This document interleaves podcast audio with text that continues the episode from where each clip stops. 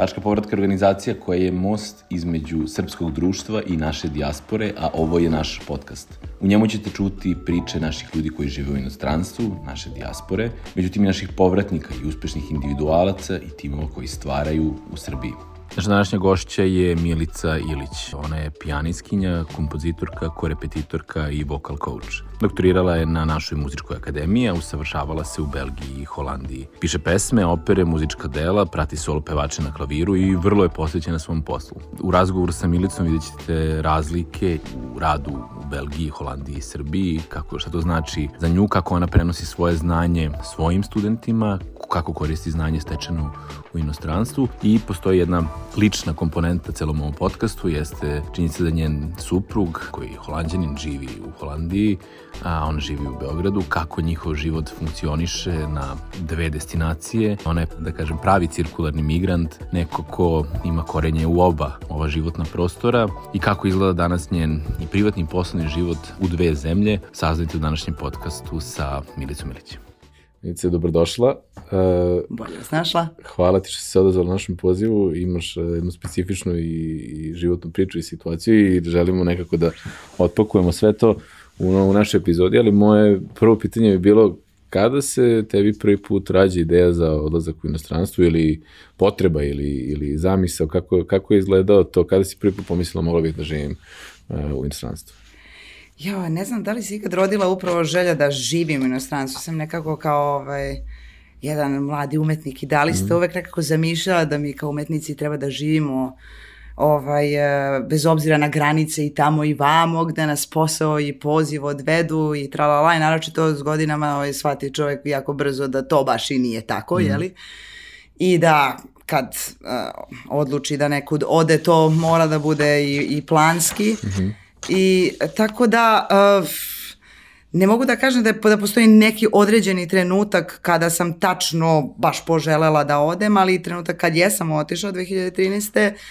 Uh, je bio neki moment kad sam shvatila da zaista želim da u stvari proverim gde ja stojim u odnosu na svet. Nekako mi se učinilo da sam shvatila gde stojim u odnosu na našu zemlju, u odnosu na Srbiju, u poslu kojim se bavim, mm. a, pre, prevashodno, ali sam baš jako poželjela da, da a, otkrijem gde je moje mesto u odnosu neki širi, veći mm. kontekst, kontekst, na primer, a, Evrope. I onda mm. se tako prosto potrefilo između ostalo, delom planski, delom igrom slučaja, da je um, izbor pao upravo na Belgiju u mm -hmm. sam uh, otišla na, na operski studio, a, o kome ćemo pretpostavljamo mm -hmm. pričati kasnije.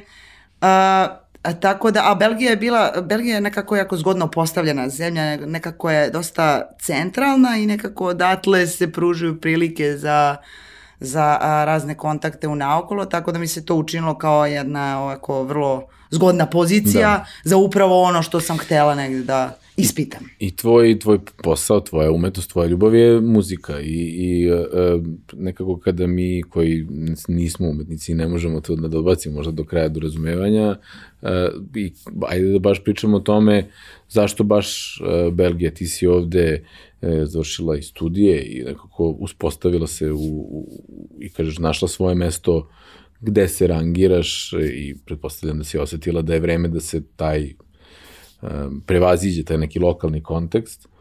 Um, kako, kako dolazi, kako ide proces razmišljanja, govorim iz ugla nekoga ko možda razmišlja tvojim putem da krene i u svojoj umetnosti ili možda svom poslu koji je nevezan za umetnosti došao do nekog stadijuma da želi da se oproba u nekom belom svetu, kako onda ide taj proces razmišljanja i donošenja odluka da to bude baš Belgija, baš ta institucija, zašto, ka, kako si provo, provo, provuci nas, pro, prošete nas kroz taj neke korake koje si pravila tada? Pa ja bih, e, kao što i e, često činim u radu sa svojim studentima mm. na, na Fakultetu muzičke umetnosti gde radim, e, ja bih svima savetovala, mladim ljudima, ali umetnicima prevashodno, da uvek pokušaju da odu napolje, da bi videli kako se stvari rade, šta se radi i upravo u tom smislu da oni vide gde su oni u odnosu na sve to što se zbiva van granica naše zemlje. S tim u vezi ne, ne želim da kažem da se ovde ne radi sve i svašta, ne, ne, ne, ne, ne. Samo je prosto drugačije kad se oseti jedan širi kontekst, jedan, mm. prosto jedan i veći prostor uh, delovanja. Tako da svakako moj savjet svim mladim ljudima je da ako postoje mogućnosti, da svakako pokušaju da odu, to ne, ne mora nužno značiti emigracija, mm -hmm. to može značiti jedan određeni period života koji će neko provesti na polju, um, a u uh, mom konkretnom slučaju um, E, da, dakle, ja sam ovde završila i studije, i specijalističke studije i doktorat u momentu kada odlučujem da, mm -hmm. da odem i upravo mislim da je to bio negde pravi trenutak. Ja sam završila manje više sve što sam ovde mogla da završim. U tom mm -hmm. trenutku je takođe sam zaposlena već na Fakultetu muzičke umetnosti u Beogradu. Mm -hmm. I to na jednom dosta specifičnom poslu uh, koji je, uh, koji se zvanično zove umetnički saradnik na katedri za solo pevanje, ali prevedeno na neki jezik koji se razume, ja sam pijaniskinja mm -hmm. koja radi sa solo pevačima. Mm -hmm. I to je jedan... Um, to je jedan, onako, jedna niša mm -hmm. koja je dosta specifična i uh, koja je vezana za zapravo rad u operi. E mhm. sad, pošto ja nisam to iskustvo imala, ja sam mm. odlučila da pokušam da pronađem neki takozvani operski studio i objasnit ću ovaj, uskoro o čemu se radi, gde bih upravo mogla da se specializujem u a, oblasti opere iz pozicije jednog pijaniste. Mm -hmm. E, Operski studio, operski studiji su najme institucije koje su obično pri određenim operskim kućama, imamo ga i mi pri Narodnom mhm. pozorištu mm. u Beogradu, gde se mladi pevači i ostali delatnici mm -hmm. u operi zapravo kroz jedan jednogodišnji, uglavnom dvogodišnji kurs pripremaju, to je zapravo jedna faza između neke završenih studija i odlaska u profesionalne vode za pevače to je scena, a za nas pijaniste, korepetitore, to je za rad u pozorištu. Mm -hmm.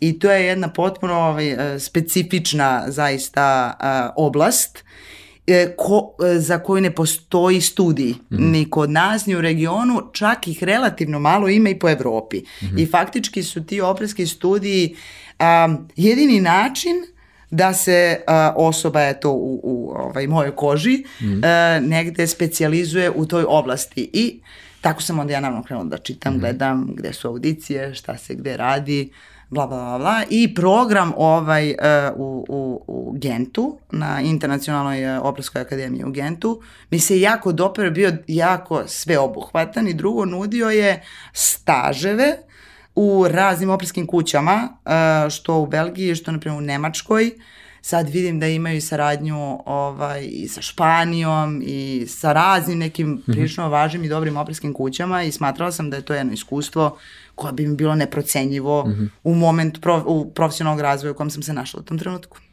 E, I kako onda ide taj proces? Mislim, ti si ovde već bila primljena a, na fakultet. Kako, kako se pravi taj profesionalna i lična odluka da se za nešto tako prijavi i kako izgleda tvoj, ajde kažemo, u momentu kada znaš da si dobila priliku, šta se dešava u tvojoj glavi, šta se dešava u tvom životu, kako izgleda tvoj moment odlaska i sa kojom je to idejom. Da li je to sa idejom da je to nešto privremeno, trajno, ne znam?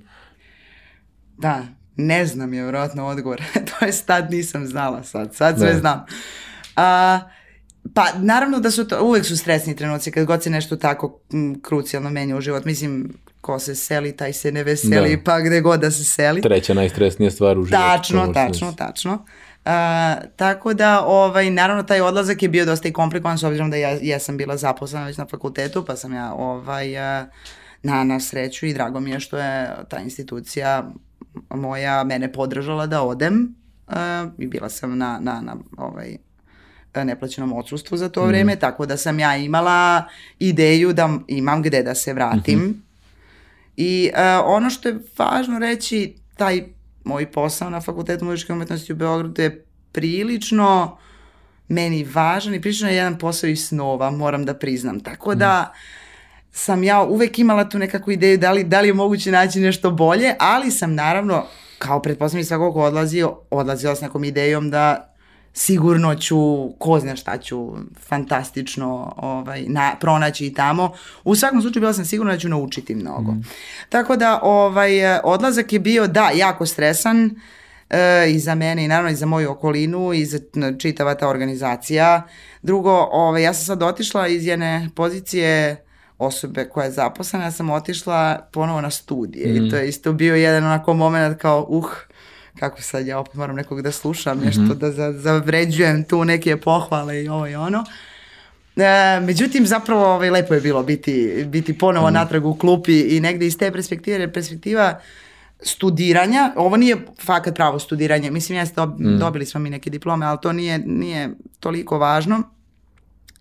To je e, više jedna onako ne, ne stresna u smislu pravog života situacija, ali opet je situacija iz pravog života. Mislim, ja sam svirala prave predstave, sam svirala prave režijske probe, sve je bilo ovaj, apsolutno pravo, jedino što od toga nije zavisila moja egzistencija i u tom smislu mislim da je bilo baš puno prostora i da se uči, da se napreduje i da se grabi, mm -hmm. tako da mislim da, da ovaj, sam zato sa, sa pričom lakoćom otišao onako sa jednom idejom, ajde da vidimo.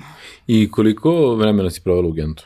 Ja sam u Gentu bila dve godine. Mm -hmm. Dve godine i moram priznati nakon tve, te dve godine jesam razmišljala o tome kuda, kuda sad šta, mm. vratiti se, ne vratiti se, naročito zato što je i moja lična situacija tu ovaj, Uh, donekle, ajde, interesant, se, se interesantna, da ne kažem komplikovana. Usložila se. Da, bila je usložnjena i pre toga. Aha. Ovaj, uh, naime, moj, evo, sadašnji suprug je, ovaj, čovjek holandjanin, šta će. Tako da, ovaj, uh, E, naravno i ta situacija je Belgija, Holandija, to je dosta tu blizu, da li je to moglo nešto da se iskombinuje, Tako da, ovaj, u stvari, taj povratak je meni bio stresniji nego odlazak, moram da priznam, jer mhm. sam tu morala negdje da prelomim da li, šta, šta i kako dalje. Da li ili ne. I evo, odlučila sam kako sam odlučila, evo me ovde. Mm. Ja i dalje sebi, naravno, nijedan put ovaj, negde ne držim zatvorenim, ali ovde sam radim šta radim i, i hmm. ovaj... Ti si se sada vratila na poziciju na kojoj si, si bila i kako se recimo promenila i tvoja ajde, uloga u kojoj si imala obrazovanju drugih, kako si, kako si sama promenila uh, svoj doživljaj sebe, uh, ulozi koje, koje, koje imaš, da, kak, kak, koje su ajde pre i posle, ono kao na dve fotografije pre i posle, šta je novo što ti je dala ta, to iskustvo koje si stekla, stekla u Gentu? Joj, svašta mi je dalo to mm -hmm. iskustvo, moram da priznam i zato ja insistiram zaista za sve mlade ljude jako divno ako mogu da odu. Mm -hmm. Upravo jer sam dobila jednu perspektivu novu potpuno, a, naročito u oblasti eto, u kojem se ja bavim. Uh, uh, kako se stvari rade, na primjer koliko šta košta, mm. uh, koje su tu... Koliko šta košta? Koliko šta košta? Koliko, na primjer, košta produkcija opreska aha, tamo, koliko košta ovde, koliko košta, ne znam, ako traje dva sata, koliko, koliko traje mm. tri sata. Uh, kako funkcionišu pozorišta različita, mm -hmm. kako se dolazi do ugovora, kako rade agenture i tako sve te neke stvari koje mi ovde, mislim, bar ja nisam imala prilike ovde da se sa time susretnem i prosto odlazak tamo i specijalno verovatno i na ovu školu uh, mi je dalo tu perspektivu da se ja videla gde uopšte sve i ovo čime se ja bavim ovde, gde bi to trebalo da vodi zapravo. Šta bi ja trebalo svojim studentima da prenesem mm. da bi se oni snašli kad odluče, Bože zdravlja, da, da odu tamo da, da potraže um, svoju, ne znam, sreću, sudbinu, posao i tako Ili ima neko koga, da kažeš ovako, da, naravno ne imenom i prezimenom, nego neko ko, koga si inspirisala ili neko ko ti je, ja kažemo, na koga si uticala da nekim sličnim tako putem na, nastavi kao i ti?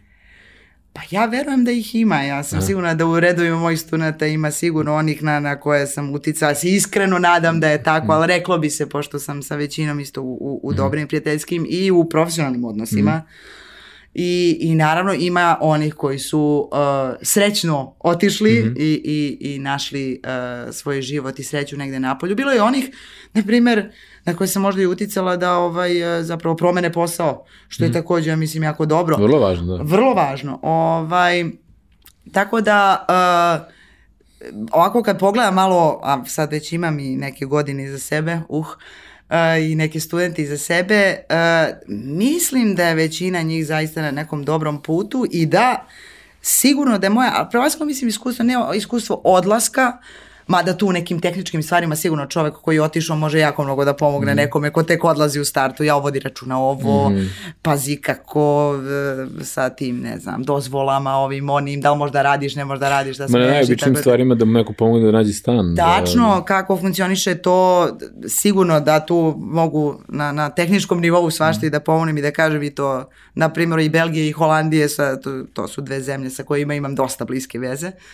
Um, ali, ali u nekom smislu uh, da neke generalne inspiracije da da treba da se odi, da treba da se šire vidici i da u ovom svetu, naročito mi umetnici, ako nismo sposobni da gledamo širu sliku, neće nam biti lako, jer mm. ovaj su neka, neka vremena jesu prošla, neka nova dolazi i treba budemo spremni za ta nova vremena, mislim ta nova vremena upravo da je um, glavna prednost ako čovjek ima širu sliku mm. i, i ako može da se na mnogo mesta negde ovaj, nađe i mm. profitira.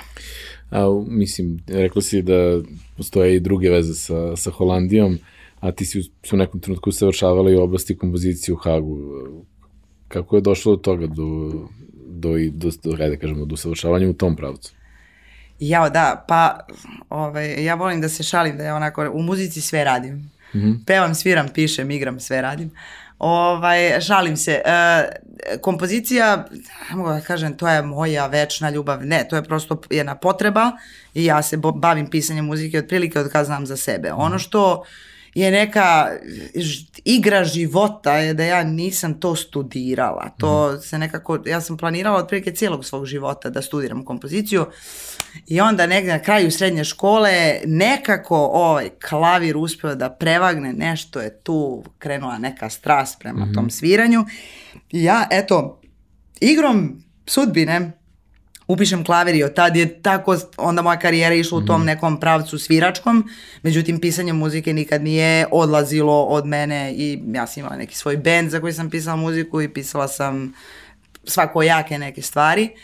I, ovaj, i onda sam u jednom momentu, na, baš na kraju ovaj, studiju u Belgiji, nekako je valjda, kako sam ja sazrevala kroz te dve godine boravka tamo i shvatala čime sve hoću da se bavim u životu i koliko ne želim da se zatvorim u jednu nišu, tu je negde ovaj, uh, se i ta moja želja da, da se zaista posvetim kompoziciji je negde baš onako nabrekla na kraju mm. tih mojih studije i uz pomoć mojih divnih prijatelja i kolega tamo iz operskog studija koji su sa raznih strana sveta, to je bilo najbolje u tome. Mm. Mislim, smo bili jedno internacionalno društvo ovaj, raznih interesovanja i, i raznih uh, backgroundova, tako da ovaj, i odatle smo, mislim, svi profitirali jako mm. mnogo.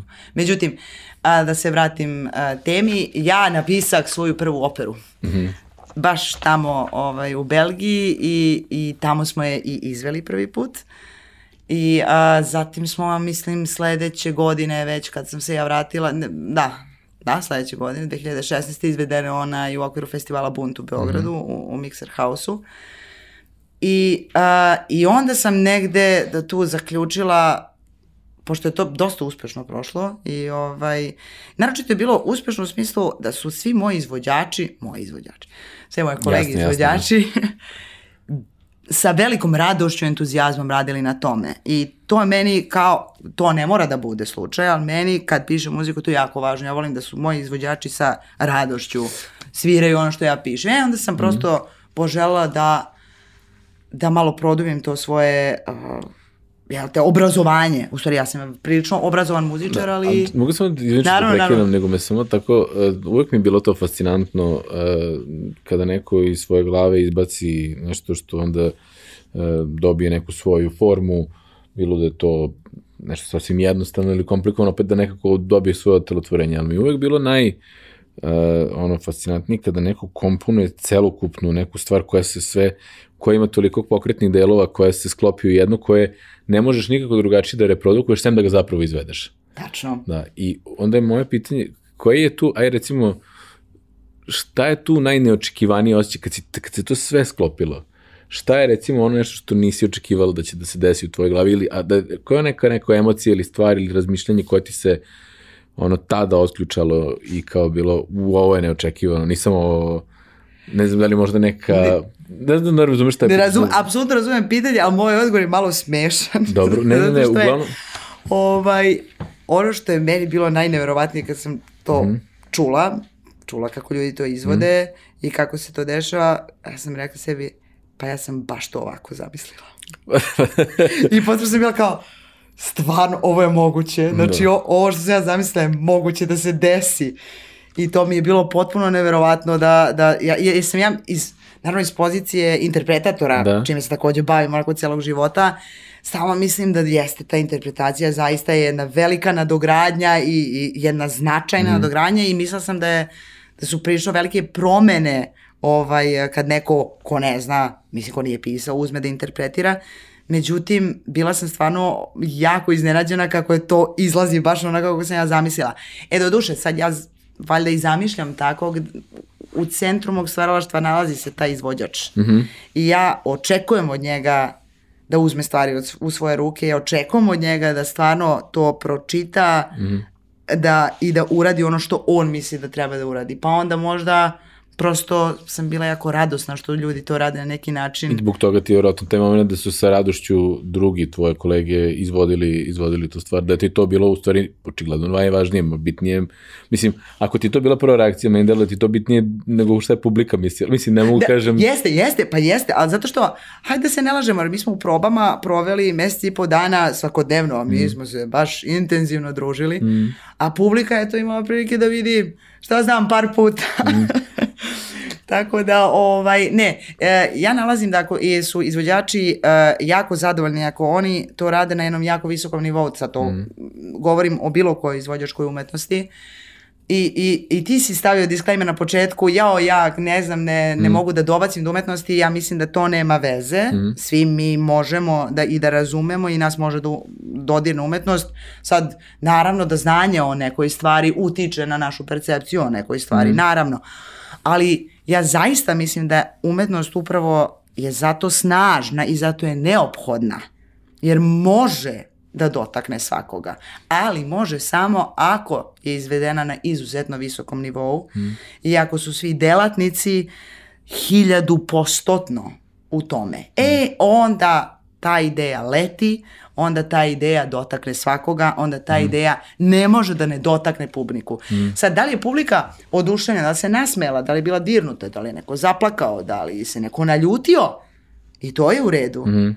Samo dok je predstava nekoga pomerila mm. i promenila i učinila da za ta dva sata, tri sata ili 15 minuta, zavisno od dela, da se taj neko izmesti iz sobstvenog života. To je to. Mm -hmm. Drugo ne treba. E, ali ako su izvođači fantastični, i radosni u onome što rade, onda je... To skoro pa zagarantovano. Onda je za, uspeh da. zagarantovan. Ja smatram bar.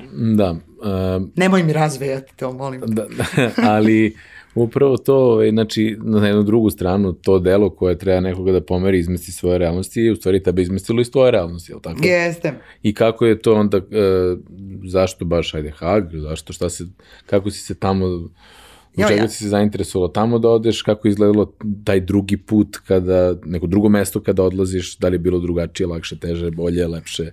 Ja ovaj, u Hag nisam zapravo otišla tad prvi put. Ja sam se u Hagu obrala već kao Aha. predavač e, par godina pre nego što sam tamo upisala i studije. Mhm. igrom nekog jako čudnog slučaja, ovaj, e, sam dobila priliku da budem gostujući predavač na, na jednom kursu uh, jednog eh, vrlo interesantnog departmana koji se zove Art Science, koji mm. je zapravo jedan uh, međufakultet između, uh, da kažemo, Akademije lepih umetnosti, ali likovne akademije i muzičke mm. akademije u Hagu. Mm -hmm. I, ovaj, I oni drže taj, jedan moj kolega uh, drži uh, kurs o muzici o zvuku, koji je kao za sve studente prve godine i negde smo se mi tu našli da bi bilo možda dobro da zajedno držimo ovaj, taj kurs. Uh, i da bi ja možda mogla da dam sa svoje te klasičarske strane jedan interesantan uh, i sa naravno strane kompozitora, hvala Bogu kao nekog kreativnog umetnika, njihovim studentima neki input koji će da ih malo oslobodi tog velikog straha koji vidim svi imaju od oh klasične muzike, oh mm. umetnosti, to mm. mi niko ništa ne razume. Ovaj, pa mislim, to je strah, pa, po, po, mislim, on potiče iz neke nesigurnosti zato što, ja mislim iz mog ugla govorim, iz neke iz uh, vrlo limitiranog znanja sa jedne strane, druge strane nekog, ajde, nekog nesigurnosti da se nešto ne obrukam ili ne osramotim i iz tog straha počinje taj neki disclaimer na startu, a u stvari je iskrena i želja i interesovanje da zaznam više. Uh, pa da, da sam sebi odstranim tu barijeru da bih mogao da te pitam, ono mislim, i tako da verujem da to, uh, ali opet stvarno se slažem sa tom da kada je nešto izvedeno na jedan autentičan način, šta god da je to, to onda probije sve te barijere i, i, i to je, tako da, ali samo um, da im, ima i razumevanja. Imam, prema, imam, da. imam apsolutno razumevanje, ne, ne, ovo je, zamisli ovo kao moj poziv, da. ovo, ja, ja se borim da ljudi, pre, jer je, da se ne lažemo, ovaj, e, umetnost, muzička umetnost, klasična muzika mm. je prolazila kroz razne faze, naročito u prošlom veku, 20. veku mm. i ona jeste u nekom momentu postala uh, i elitistična, i elitistička i hermetična e, i u, u, e, na, na planu stvaralaštva i na planu izvođaštva mm. i koncertne dvorane i operske dvorane kao takve već uh, prosto um, prave neku segregaciju prave neku da. neku tu granicu mi oni mi koji znamo vi koji ne znate i tako to I, do, I dobro, tako, tako je bilo, tako se desilo, to je u redu, međutim, ja mislim u današnjem svetu, post, postmodernom svetu, mm. ovaj, e, mislim da prosto bilo koja vrsta tih granica razgraničenja, mi i oni, mi u ratu, mi se volimo, ne, mislim da to ne vodi ničemu i mislim da i naša klasična muzika ne može da živi ako živimo od jedne minijaturne publikice poznavalaca. Mm. Jer ko su poznavaoci? To smo mi koji smo to studirali, pa dobro i ti si nešto studirao mm. i ja ne mogu sad da uzmem i da se plašim svih arhitekata, inženjera, lekara na svetu, mm. zato što ne znam šta oni znaju. Naravno da ne znam. Mm. Zato im im verujem i zato se ovaj puna srca stavljam u ruke lekarima mm. i ja bih volila da se svi puna srca stavljaju u ruke nas umetnika i čekaju da mi uradimo našu magiju. Ili ne magiju, naš posao. Pa da. Uh, I dobro, Hag, Hag, Hag. Da, Hag zvuči tako strašno ovde kod nas. ovaj... Elem, uh, dakle, ja sam opet započela sve tako naopačke, vidiš. Prvo kao predavač, onda sam mm. bila student. tako, ja sam tamo upisala, pošto sam shvatila da već sad posle ovaj, uh, puno godina nekog studiranja, izvaničnog i nezvaničnog, sad ja nešto nanovo da upisujem, ovaj, e, celokupne studije, nema smisla i već sam imala, ja sam prosto izbacila već dve opere mm. i već je moja kompozitorska karijera negde i krenula nekom za mene skromnom, ali uzlaznom putanjom. Ovaj, ali, ali prosto sam bi, bila znatižena i znam da imam neke rupe u znanju i prosto mm. znam da nisam prošla taj drill, te ovaj, mi je bilo uh, važno da bar donekle prođemo određene studije i uh, e, HG je imao jedan, uh, jednu odličnu varijantu i to se zove contract studies, mm -hmm. gde uh, čovjek može zapravo da studira nekoliko godina, dobije mentora sa kojim radi mm -hmm. i naravno dobije priliku da sluša sva moguća predavanja, ali mu od toga ne zavise nikakvi niti poeni, niti ne znam ni ja šta. Ovaj, um, I to se plaća, ko, koliko časova ovaj, odslušaš, toliko platiš otprilike. Tako da, mislim, holandjani, znate kako to, ako Vidi, ne... Ovo je možda najbolji ono mogući trenutak da kažeš koliko para, toliko muzike. Koliko, e, apsolutno, koliko para, toliko muzike. da li postoji bolji moment kada... Tačno, tačno tako, tačno tako. Ovaj, I s obzirom da su uh, holandjani majstori trgovine, to je kod njih apsolutno da, moguće. Da, da. I, i uh, to, je, to je meni bilo apsolutno sjajna jedna opcija mm. u tom trenutku. Sad već, to je bilo pre par godina, mm. ja sam već za studenta ovaj, poprilična ostarala devojka, mm. šalim se. Međutim, to je bilo super, je bilo jako slobodno, imala sam super mentora s kojim sam radila i tu sam negde isto, to je bio jako važan moment za mene, jer sam morala, jer sam ipak bila student, i morala sam da negde zbrišem od svog comfort zona, kako se to na srpskom, nemam polju reč. Nikako drugačije, to je stara da, srpska reč. stara srpska reč, jeste. Comfort zone. Da. Ovaj, e, morala sam da probijam neke svoje barijere i možda da se bacam u neke vode u kojima kao pa nisam znala da li umem da baš plivam mm. najbolje. I, i te, koliko su... šta je to bilo? Dve godine. Šta je taj Pa, na primjer, ja sam o, o, se stalno bavila negde to vokalnom muzikom, naravno, mm. pošto se bavim operom i to mi je velika ljubav i pasija i to sve. I uh, onda su me tamo prosto natali, ok, dobro, voliš vokalnu muziku, ok, to je sve super, ajde bavi se vokalnom muzikom, ali ajde vidi kako bi to moglo da ne bude, ajde da ne bude opera, mislim, niko tebi ne brani da ti sad ideš pišeš operi solo pesmi, to je skroz ok, nema ništa ono, loše u tome, ali ajde probaj, šta, šta još ima u, u tom, u toj vokalnosti što bi ti mogla da iskoristiš u kompozicionom ovaj, uh, smislu i tu su ovaj, nastale ovaj, moje language games, gde sam, na primjer, pravila i to je izvedeno tamo na jednom festivalu u Hagu, um, gde sam ja pravila zapravo neke pa neću da kažem eksperimente kompozicije, samo od vokala i samo od konsonanta. Mm -hmm. I to za, za pevački trio, na primjer, za kt, pt, kt, pt, kt, pt, trio, na primjer. Dobro.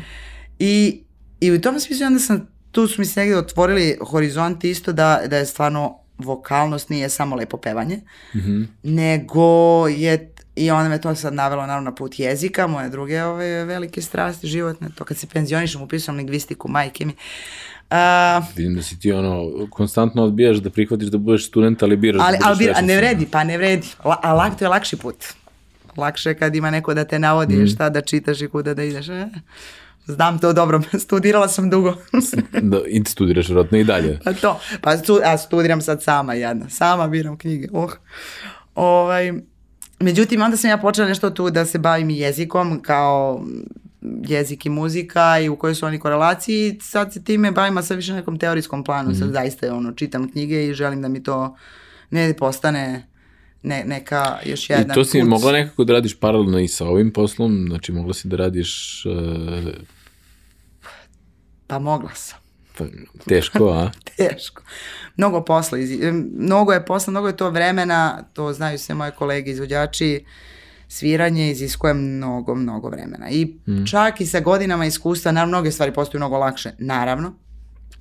Međutim, to je prosto jedan posao i to je jedna to je jedan konstantni posao koji se mm. nikad ne prekida, stalno se vežba i stalno mora da se vežba jer se iz forme mnogo lako ispada, a baš nikako nije zgodno da se ispadne iz forme jer uvek dočeka, mm. baš sad mora nešto super. Drugo, u ovom mom poslu ja se bavim operom, repertoar mora da se širi mm. stalno, mora, mislim, opere su mnogo dugačke. Mm.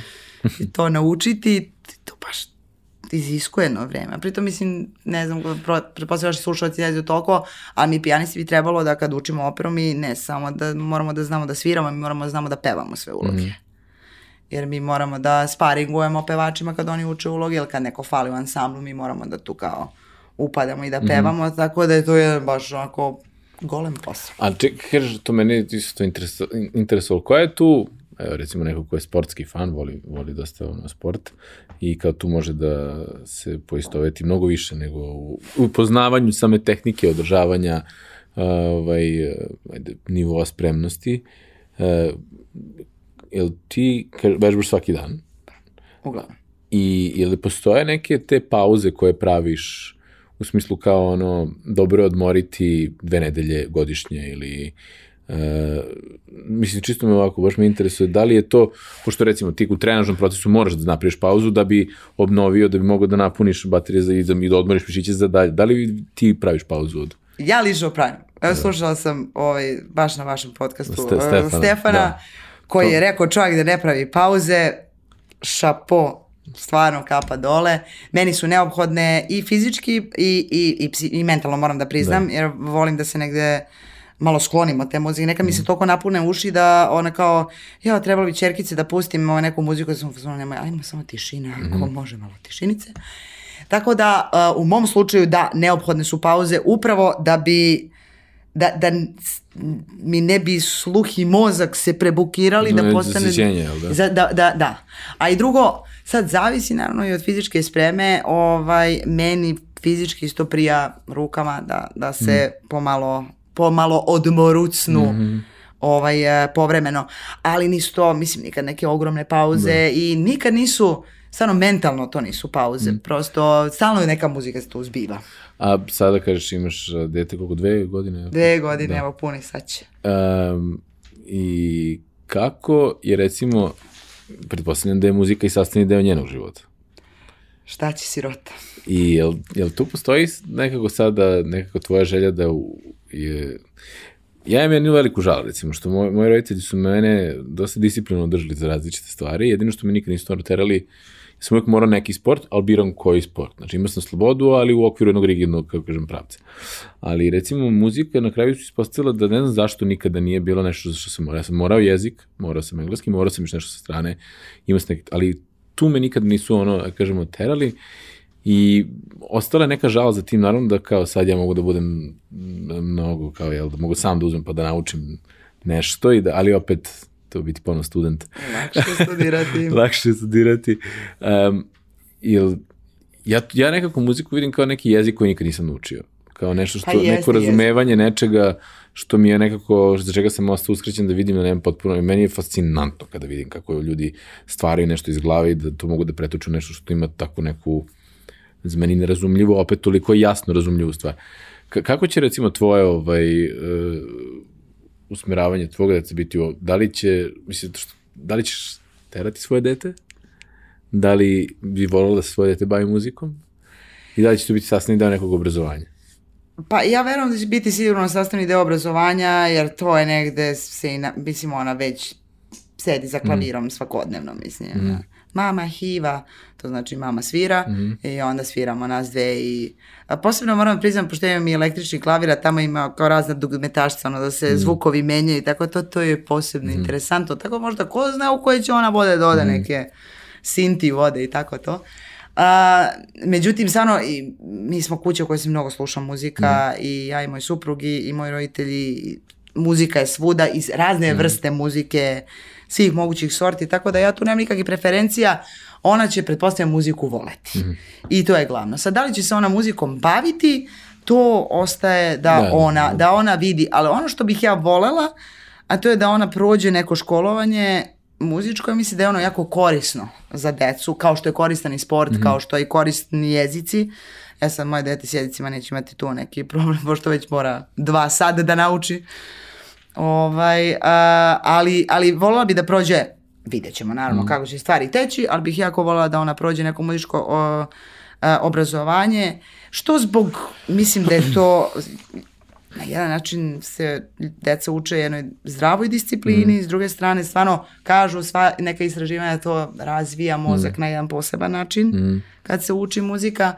A i treće, a ne manje važno, ekipa iz muzičke je super. Mm. Tako da mislim da je to jedan način da se proširi društvo, a naročito u svetu u kome danas živimo, da je puno prosto su ljudi da, da. sami. A, mislim da je super širiti društvo gde god se može. A krenulo si, malo se dotakla toga, ti imaš dosta specifičnu situaciju porodičnu, tvoj muž je, znači, holandjanin. Jeste. I on i dalje živi praktično Tačno. u Holandiji. Ka, a ti radiš, živiš i da ti živiš na relaciji Holandija-Srbija. Tačno. I ja, i, Ka... ja, i čera. I čera i dva kofera. A? Ovaj, I kako, kako to izgleda day to day? Mislim, šta to, pošto poznajem puno ljudi koji su u mešovitim brakovima a, i koji imaju dosta, možda na drugačiji, možda način postavljeno, pola godine ovde, pola godine tamo, mm -hmm. ili mhm. a, koje su recimo, ko, ko je tvoja nekako svakodnevnica ili svakomesečnica, da kažemo tako, koje su najveće prepreke Mm. I, ali opet koje su i, kao što je recimo, do, instant dvojezičnost, dvojezičnost tvog deteta kao prednosti. Kako velika to... prednost, velika prednost. Pa i uopšte i taj e, činjenica da ja, ja stvarno imam negde utisak da sam jako vezana za Holandiju, to što mm. ovaj, ja nisam tamo sve vreme. Stvarno... Koliko je rešio, na primjer, koliko si odu tamo?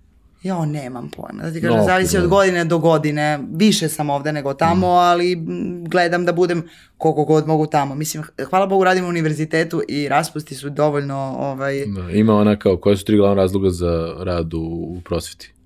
Znaš, Raspust. jun, jul, avgust. Pa to, e, e, e, e, tačno, tačno. Tako da, ovaj, to svakako. Da. E, ti, ti raspusti i kad god možemo, mislim smo zajedno i kad god me naravno i posao navede, a to se dešava tamo um, i tamo smo naravno. Um, tako da, da svakako je prednost za dete i prednost je i za me, ja mislim za nas i, mm. i mogu da govorim i u suprugu ime verujem. Negde ta mogućnost da živiš na dva mesta je lepa, jeste teška, jeste realno plaćamo račune na dva mesta. Mm. Mislim, to baš i nije neka sreća, znači to ovo vreme. Ali nekako imamo i ovo i ono, volimo i ovo i ono i imamo tu mogućnost da to i mešamo i da pobegnemo iz ovog u ono, iz onog u ovo. Da, kad ti uzmeš najbolje od oba sveta. Uzmeš najbolje od oba sveta i, i nekako si onda radostan što, što i ta oba sveta i postoji, nekako onda gledaš iz neke svetlije tvoje, da. perspektive, da. jer imaš i ovo i ono. Mm. I onda je to negde jedan, jedno olakšanje i ne, ne gledaš s podozrenjem preko, da. nego, nego je to preko tvoje. Ja sam tako 10 godina živeo, e, Aha. vrlo slično, ja sam, ja sam sa 14 godina otišao u inostranstvo, vratio se 24 i uvek su mi to, vratio se, vratio se za raspuste uglavnom, a većinu vremena bio tamo, onda kad sam počeo da radim sve godišnje sam koristio da dođem malo u ovoj kući. I znam, e, sada recimo mogu da kažem da mi fali upravo to o čemu govoriš, taj moment, jer to je malo ta malo šizofreno je sve, ali ja sam ovde dolazio i onda drugoari, žurke, druženje, kad sam bio mlađi klinac, to, onda je to ono, all the fun, onda all the work je negde tamo da. i onda ti može da ga podvojiš, ali ti u nekom trenutku kada imaš dve, tri nedelje, zaređaš ovde, fali ti onaj mir, disciplina, red, verovatno kod tebe drugačije set da. podeljenosti, da. ali, ali tu i sada jedino kako uspevam to da izbalansiram je uh, isto tako nekom vrstom dvojnog života, jer ja sam pa pola vremena ovde, pola u Beogradu, pola vremena na severu Vojvodine u malom mestu.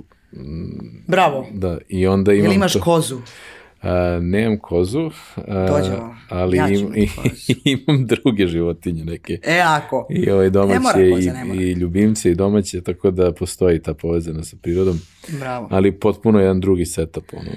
I onda mogu da mimikujem to nekad taj neki pola, ono, bipolarni neki život koji mi, koji, mi, koji mi znači. Pa da, ne, možda ne prija to svakome, do duše ja nisam ni razmišljala, nisam ga ja baš da, birala, on da. je malo izabrao i mene i, i mi smo da. izabrali da tako živimo. I nije lako, ovaj, nije, ne, nije lako. kad ne znaš da stvari, kad ne znaš da je šta, kad to je ome da, da, da to, ali Mislim Dobre, da dobre da. stvari nadjačaju. Pa nadjačaju, a i gledaš da dobre stvari nadjačaju, mm. a valjda ako plus minus je ispod nula, onda mm. gledaš da menja život. Mm, ako da. je plus minus nula i plus, da. onda si dobar, to kao i u braku.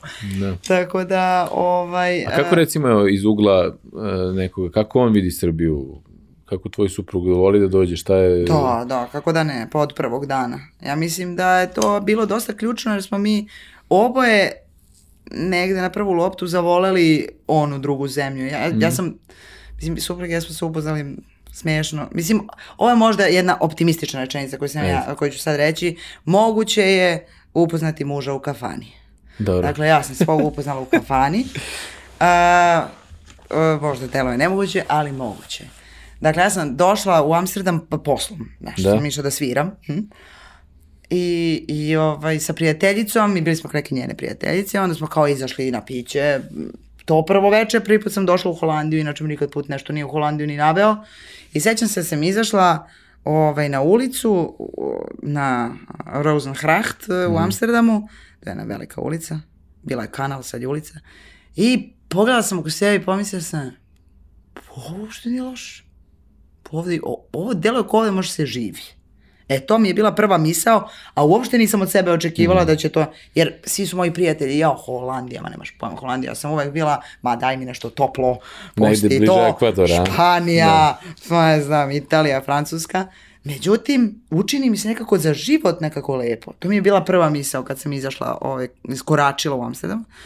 I eto, odo smo mi na piće, uh, u, u stari pub neki mm. ovaj, iza ćoška odmah bio tu proboravi smo neko vreme i onda se ukaza na vratima jedan Eto, lep čovek, moram reći. Par za Bo, mene, hvala Holandjani, najviši ljudi na svetu. Tako da- najviši da, ljudi, e, a, a, a, u kafiću svi plavi, a on prvi crn ulazi. A ja rekao, to je, to je to. Mm. Karma.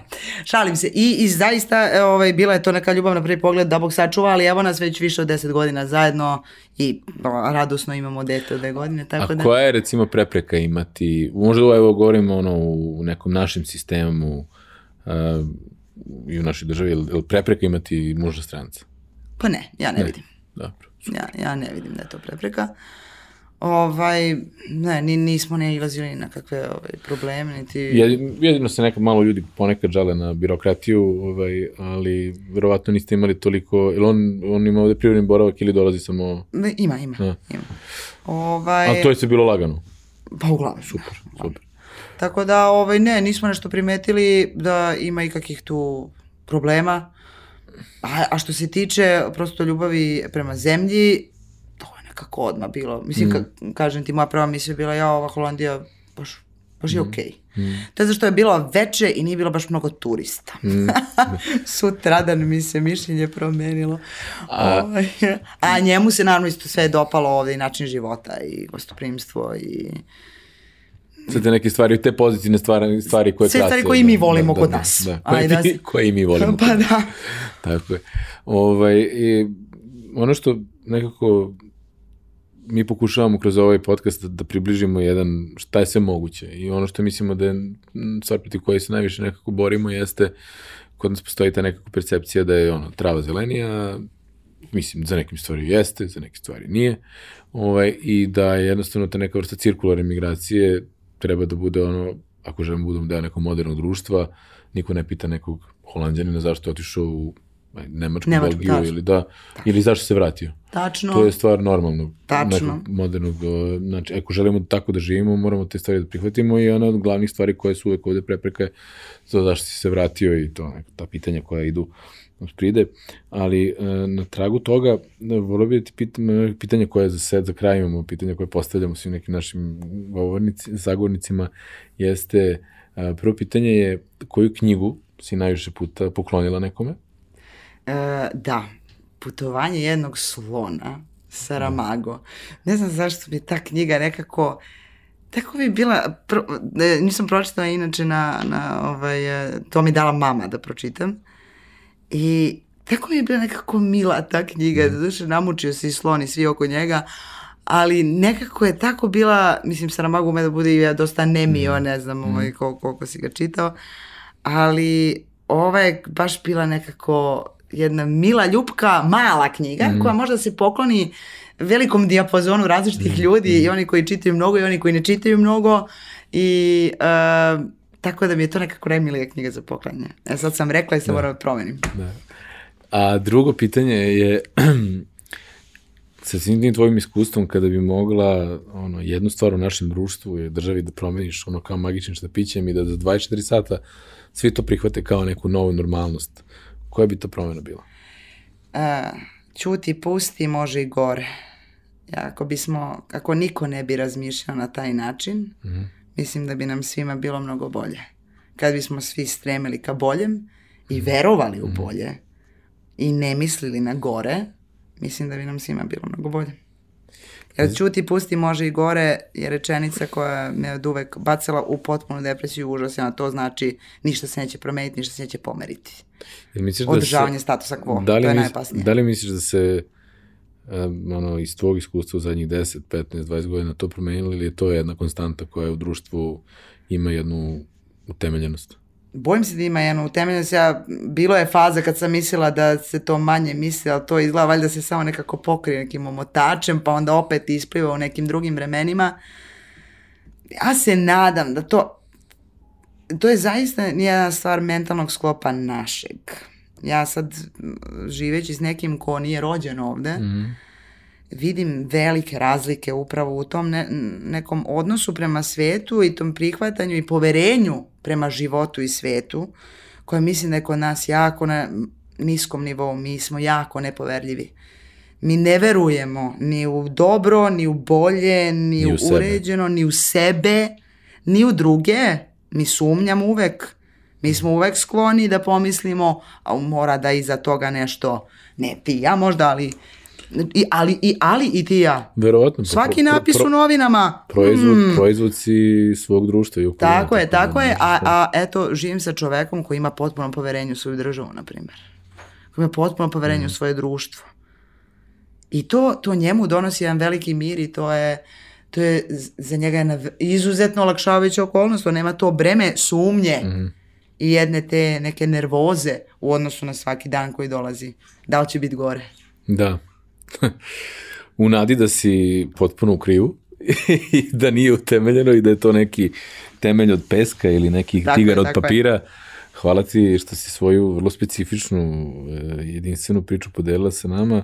Ono što je, ja mislim, najveće blagodat ovog podcasta jeste što je toliko raznovrstan i što nama se često ljudi jave sa uh, ono, najrazličitijim pozitivnim, uglavnom komentarima, na najrazličitije segmente, najrazličitijih ljudi koji su ovaj, pričali, znači, pot, neko, um, imamo primere da se ljudi ono, potpuno oduševe nekime ko možda neko nije ni primetio ili nije ostavio nikakav utisak i to je najlepše. Tvoja priča je tako nekako toliko meni barem inspirativno i zanimljivo i tako hvala ti stvarno što si bila voljna da podeliš to sa nama. Pa nego šta, nema na čemu hvala vama na pozivu, uvek, uvek rada.